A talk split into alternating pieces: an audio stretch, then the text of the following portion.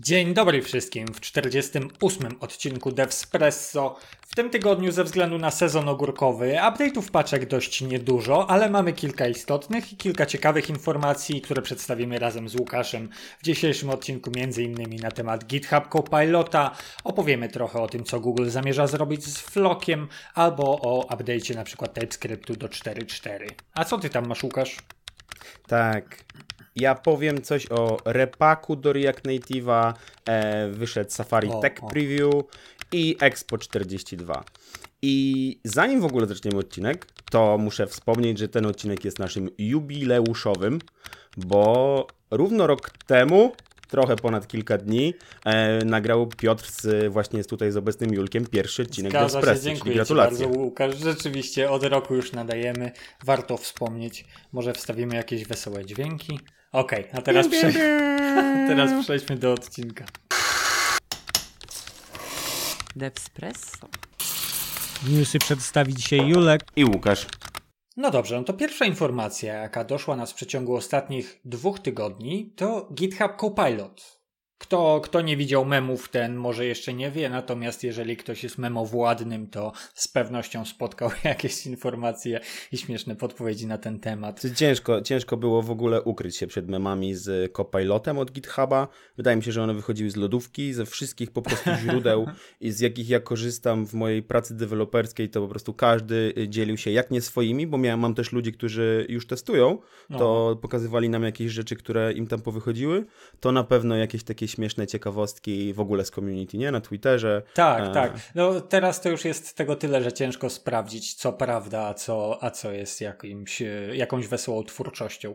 Ale co, myślisz, że któreś może być wesołą twórczością po prostu? Że to nieprawda? No, funkcja bez framework, która podpowiada return view, to może niekoniecznie, niekoniecznie musi być prawdziwa, więc dlatego to łatwo jest podważyć. Tak. Dobra. Ja widziałem e, worst framework, który podpowiada Angular. A, no, no to widzisz, to, no. to już coś nam wskazuje, że może coś śmierdzi. No, mi się jeszcze nie udało dostać do programu, tam trzeba się zgłosić i jest e, waiting lista po prostu, trzeba podać swoje githubowe, githubowe konto i tamtędy requestujemy dostęp i możemy dostać możliwość tego, żeby po instalacji tej wtyczki w VSC zalogować się swoimi credentialami i żeby dla nas działała. Jest coraz więcej materiałów na, na YouTubie pokazujących, jakie fajne rzeczy może robić, a też momentami pokazane jest, w którym miejscu jeszcze irytuje albo jest zdecydowanie niedociągnięta. Ok, ale to powiedzmy może jeszcze dwa zdania na temat tego, co to jest, jak to jest i tak dalej jak już wspomniałem, to jest wtyczka do VSC. A co też ona robi? Ona, ona podpowiada nam kod na podstawie tego, co piszemy. I mamy dwie opcje. Albo deklarujemy funkcję i on stara się domyślić na podstawie treści wyłącznie tego pliku, w którym piszemy. Jeszcze Copilot nie ma opcji przeskanowania całego projektu. Pracuje wyłącznie na jednym pliku, który akurat edytujemy. No więc albo na podstawie nazwy funkcji wygeneruje um, coś, co uważa, że jest dobre, albo piszemy komentarz i opisujemy, czego oczekujemy, a Copilot powinien wygenerować kod. Bardzo ładne, proste przykłady widziałem na na przykład Array Intersecta przygotowane na właśnie pod to, co wygeneruje mm, ta, ta maszynka i poza mhm. tym jest opcja... I w ogóle śmieszne jest to, nie, że, że za każdym razem generuje coś innego, mhm. a ty w głowie masz takie, kurde, mówię, ale przecież ja znam prostsze rozwiązanie, ale on idzie tak trochę czasami naokoło, nie? Dużo. Tak, takie przykłady też były, gdzie on plącze się odrobinę bardziej, ale pozwala ci też wybrać, którą sugestię chcesz, albo jak ci się nie podoba, to e, szybko generuje ci kilka możliwych wariantów, więc e, tutaj możliwość edycji tego on the fly z wykorzystaniem tego narzędzia też cały czas e, no, jest dostępna i rozwijana z pewnością pod spodem. I to nie jest tak, że ta maszynka robi copy-paste to za każdym razem jest żywo wygenerowany kod wyłącznie pod nasze potrzeby. Oczywiście wiemy, mhm. że Microsoft ma GitHuba, GitHub ma mnóstwo publicznego kodu um, i jakby od dawna Microsoft inwestuje w uczenie różnych algorytmów. Ciekawostką jest to, że wszystko jest oparte na modelu, który nazywa się GPT-3. To jest model do generowania i przetwarzania ludzkiej mowy, jak się można domyślić. Ale ciekawe jest to, że to jest od firmy OpenAI, która nie należy do Microsoftu, jak się orientuje, tylko oryginalnie Masku ją zakładał chyba. E, to było jako konsorcjum, jako jakiś open, może nie open source, ale jakaś fundacja, aha, a aha. potem Musk zrezygnował z funkcji i fundacja przekształciła się w firmę for profit, no i tak jak widzimy sprzedali się Microsoftowi, akurat w tej jednej rzeczy. Tak, bo cały ten model to jest najsilniejszy model, zdaje się, jaki obecnie istnieje i jest dostępny. On ma jakąś chorą liczbę w setkach miliardów liczoną, ile parametrów machine learningowych może przyjąć, tak? A rozwiązanie Microsoftu, y, silnik Turing, on przetwarzał jakoś 17 miliardów czy 20, no to bardzo duża różnica jest po prostu. No, ale mniejsza, to taka tylko ciekawostka, że pod spodem działa to GPT-3 od OpenAI i Microsoft sobie na tym używa. No i co? I tyle. Ja czekam osobiście na to, żeby mi dali możliwość potestowania tego z VSC i, i jak się dorwę, to zobaczę. Ale pamiętajmy jedną rzecz, żeby sztuczna inteligencja odebrała nam pracę jako deweloperom, to e, klienci muszą precyzyjnie wiedzieć, czego chcą, a, a, że to się, a że to się nie stanie jeszcze trochę czasu, to czuję się bezpiecznie i sobie śmieszkuję. A tymczasem za rogiem ja... może jednak to jest rewolucja, nie? Ja myślę o tym trochę tak, że moja praca raczej nie wygląda jak praca e, hakera w filmach, że ja siedzę i klepię kod i ten kod non-stop klepie i piszę i klepię kod, tylko raczej e, przewijam rzeczy, patrzę na wymagania, coś refaktoruję. Więc to nie jest tak, że my napiszemy nazwę funkcji, wygeneruje za nas funkcja, u, moja praca została skrócona o 90%, tylko no i tak nigdy nie pisałeś tej funkcji sam, no przyznajmy się, tak? Zawsze ją gdzieś tam skądś brałeś, nie? Kto pisze samemu algorytmy dziesięciolinijkowe? No od nie, zera. No nie, czasami tak, ci... czasami tak. Ale przecież no to nie jest y, nawet połowa pracy. Także Prawda. spokojnie y, myślę, że nie musimy się przejmować. Dobra, to teraz ja mam trochę ciekawostkę z mojej działki, czyli z React Native'a. Mm, wyszedł ostatnio nowy toolkit, E, a tak naprawdę to nawet nie nowy, tylko zmiana kompletna architektury i rebranding istniejącego już narzędzia, który pozwala na użycie Webpacka do bandlowania, bandlowania JavaScriptu w React Native. Okay. Konkretnie dla React Native'a, żeby React Native mógł to zrozumieć, e, ten cały output. No i właśnie za pomocą toolchaina, który nazywa się Repack już teraz, jest stworzony w Callstacku.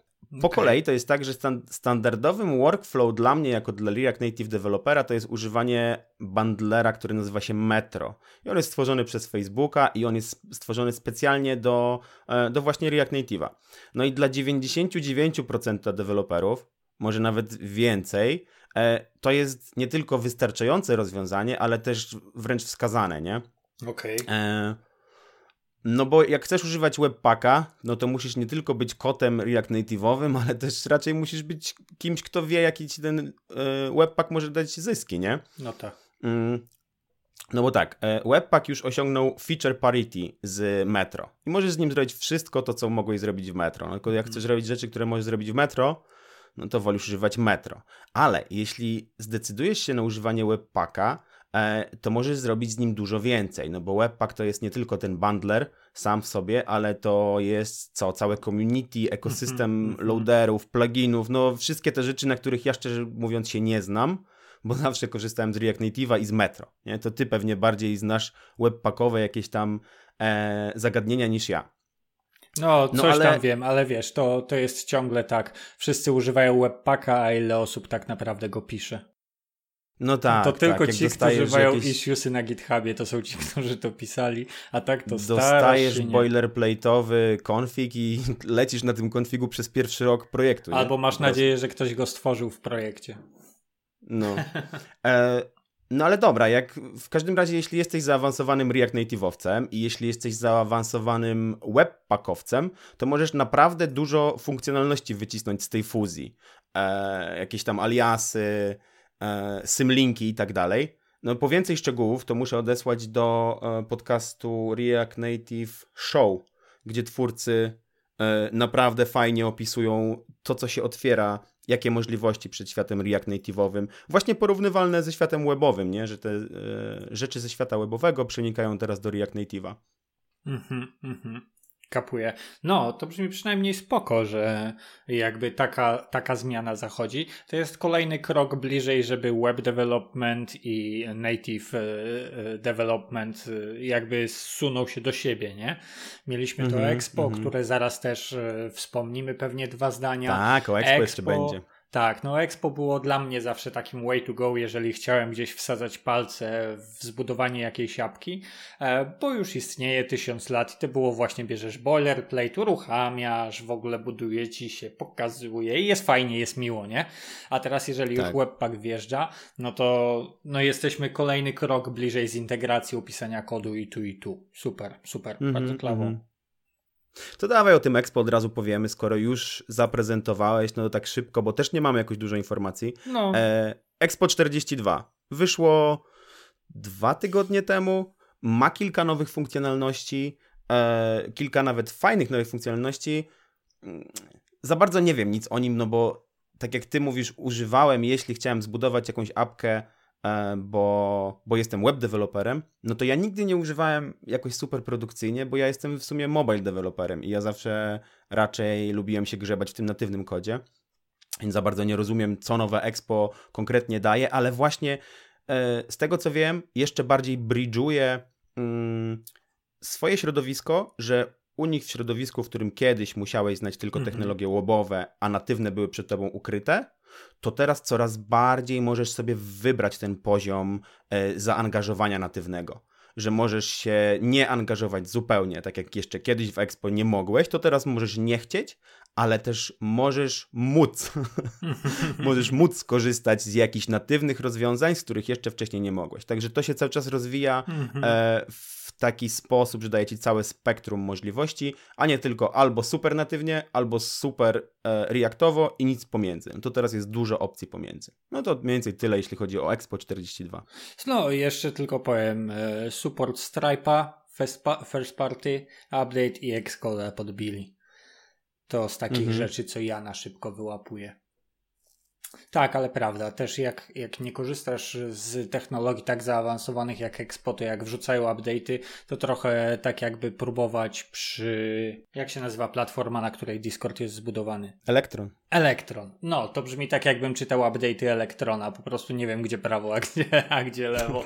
tak, ale część tak. rzeczy można zrozumieć. No. Okej, okay, e, to kolejna szybciutka informacja w takim razie. Google Flock. Słyszeliśmy o tym Flocku, słyszeliśmy o tym, że Google wszystkich zamierza grupować, inaczej targetować i że to będzie według Google'a lepsze, a wszyscy tak naprawdę widzą, że będzie tysiące razy gorsze, jeśli chodzi o targetowanie i zbieranie informacji o nas. No to w tej chwili Google się wypowiedział, że Flock w Chrome zostanie zostanie opóźniony do roku 2023. Wynika to m.in. z tego, że pozostałe przeglądarki już wprowadziły zabezpieczenia, żeby flock ni cholery nie działał. to jakby mhm. daje do myślenia. A druga rzecz, e, udało się Brytyjczykom ich przed tym powstrzymać. Zagrożono im wyłączeniem możliwości e, stosowania e, w ogóle ich, ich funkcjonalności na terenie Wielkiej Brytanii. Zrobił się straszliwy prawny bałagan i doszli do porozumienia, że Google musi współpracować Albo przypominam w ogóle, Flock to jest jedna z propozycji tego, jak rozwiązać problem trakowania przez third party cookies, które wszyscy już starają się bardzo mocno ubić na poziomie rządów e, krajowych i nie tylko. I dogadali się, że muszą dużo bliżej współpracować przy przygotowaniu następnej propozycji z organami regulującymi to zagadnienie i jakby taka, wiecie, udało się komuś zrobić, żeby Google przyznał się, że nie był dostatecznie transparentny i następnym razem był bardziej transparentny. Więc opóźniono plan do 2023 roku i prace będą trwały nad tym albo innym rozwiązaniem związanym z no, trakowaniem jednak, bo jakoś wiemy, że będą to robić, ale najprawdopodobniej nie będzie. Ja tylko... myślę sobie, że akurat to konkretna rzecz im nie siądzie. Ta nazwa już jest po prostu, wiesz, tainted, nie? E, brudna. Ona już po prostu nie przejdzie na poziomie takim może nie userskim, tak, bo taki typowy user z, z ulicy to myśli flock, to nie słyszy tego, ale na poziomie takim właśnie rządowym, na poziomie takim ludzi, którzy czytają o przeglądarkach, którzy wiedzą, co jest w jakichś update'ach, nie, że ileś tam przeglądarek już wyłączyło, ileś stron wyłączyło, GitHub między innymi, tak, e, rządy, także ta nazwa Flock ja myślę, że jej nie usłyszymy za dwa lata. To będzie przebrandowane, to będzie trochę zmieniona technologia, trochę na pewno zmieniona nazwa. Mm, ale zawsze Google będzie dążył do tego, żeby nas śledzić, no nie ukrywajmy. Tak, no może będzie do tego dążył, zmierzał, chciał, ale to wszystko wygląda tak, że im więcej słyszymy na ten temat, tym tak naprawdę coraz bardziej się edukujemy. E, czy w prawo, czy w lewo, wiesz, mam na myśli przeciętny użytkownik dostaje coraz więcej informacji. No, u mnie e, rodzice znajomej e, deweloperki ostatnio poinformowali ją, że będą używać Brave'a od tej pory. I skąd mieli o. informację, że Brave jest spoko i że mogą Co go sobie używać i że działa? Bóg jeden wie, ale do, do, do rodziców dewelopera dotarła jakaś taka dostateczna informacja, żeby chcieli zmienić przeglądarkę po prostu i sami to zrobili. No to szapoba, biorąc pod uwagę, że wszędzie stoi Internet Explorer i Safari. Tak, no tak, nie? to wiesz co, to ja chciałbym tutaj oficjalnie live, może nie live, ale oficjalnie rodzicom tej, anonimowym rodzicom tej anonimowej deweloperki e, serdecznie pogratulować. Tak, e, bardzo dobre Wiedzy, wybór. tak naprawdę, nie? Mhm. Dokładnie, to co mówię, coraz bardziej się edukujemy w tym temacie. Już nie wszystko może być tak hop e, zrobione tu i ówdzie. Czasami trzeba się nakombinować, żeby móc ukraść więcej informacji użytkownikowi. tak, tak, jak Facebook, który e, daje mi monity. Wiesz co, y, teraz wyszła taka funkcja iOS-owa, no i my musimy cię zapytać o zgodę, ale prosimy daj nam zgodę, żebyśmy mogli cię trakować. No i 95% osób nie daje tej zgody i bardzo dobrze. Tak. E, tak, tak. Mówiąc o iOSie, to pamiętasz jak ostatnio po konferencji WWDC rozmawialiśmy o najnowszym Safari. A, I to najnowsze Safari zmieniło się wizualnie i ja ci powiedziałem wtedy, kurde, nie mogę jeszcze testować, a chciałbym zobaczyć, bo podoba mi się. Mhm. No i patrzę ostatnio w moje newslettery, tak, wyszedł nowy e, Safari Technology Preview. No i zainstalowałem sobie go jak najszybciej na moim Big Sur i co się okazało? Że nie mogę testować wszystkich rzeczy z najnowszego Safari. Kilka z nich jest za... Tak, tak. E, wiesz co? Mm, mogę stwierdzić, że na pewno działa pasek adresu i wyszukiwania w tej samej karcie. E, I to jest fajnie, fajnie to się obsługuje, ale na przykład przeglądarka już nie zmienia swojego koloru w zależności od strony, a to on był mm -hmm. też ten mhm. taki ciekawy, mm -hmm. e, taki gimmick, nie? E, wizualny. E, w każdym razie, jeśli ktoś chce e, i ktoś ma na przykład Monterey BT, macOSa tego nowego, to może zobaczyć wszystkie nowe funkcjonalności. Jeśli ktoś dalej ma Big Sura, tak jak ja, to może zobaczyć kilka. W każdym razie wyszło. To tyle. Okej. Okay to ja nie będę drążył tego tematu, bo pozmieniali kolory guzików i robią z tego konferencję. Nie mój cyrk, nie moje małpy. Ja przechodzę do wątku, który mnie rozbawił ostatnimi czasy. Bardzo ciekawy wątek na Reddicie się pojawił. Mówię wam to wszystko jako joke, ale jeśli was interesuje trochę DevOpsowanie, a zwłaszcza AWS w tym przypadku, to myślę, że to może być miłe, żeby tam zerknąć. E, pojawił się post z grą, która nazywa się od 0 do 100 milionów dolarów na AWS-ie i zabawa polega na tym, żeby wymyślić w jaki sposób jak najszybciej napompować konto do jak najwyższej sumy na AWS-ie, e, a nawet w ogóle sprawdzić, czy to jest osiągalne. E, tutaj twórca newslettera Node.js Weekly dobił do wyniku chyba 170 milionów. Obliczył. Ej, ale poczekaj, poczekaj, czekaj. To oni to próbują real time, także. Nie, no pokręciło cię coś. Nie, nie, nie. Istnieją, sobie kalkula... tak? Istnieją kalkulatorki różne, no, różniaste, okay, które mogą ci pomóc to policzyć. Jakby od, odpowiedź jest jedna. S3 jest dziurą bez dna. Jeżeli trzymacie gdzieś mhm. w bakietach jakieś dane po prostu e, statyczne, to tam naprawdę bez dna można utopić bardzo duże ilości pieniędzy, zwłaszcza jeżeli gdzieś otworzycie dostęp na te pliki i będzie e, przesyłane przesyłanie danych między strefami, no dużo opcji, ale single tak. call jeden, ten właściciel, mm, właściciel, szef po prostu e, Node.js Weekly, e, sing, most expensive single API call. I jest opisane właśnie, że trzeba by zarezerwować największą instancję EC2, postawić na niej Microsoft SQL Server w Bahranie i wtedy nam wychodzi za single API call 3 e, miliony dolków. Co pieniędzy. tak, można taką hardkorową instancję skonstruować i z tego już pójdzie mhm. taki młyn. Ale naprawdę tutaj jest bardzo dużo pomysłów.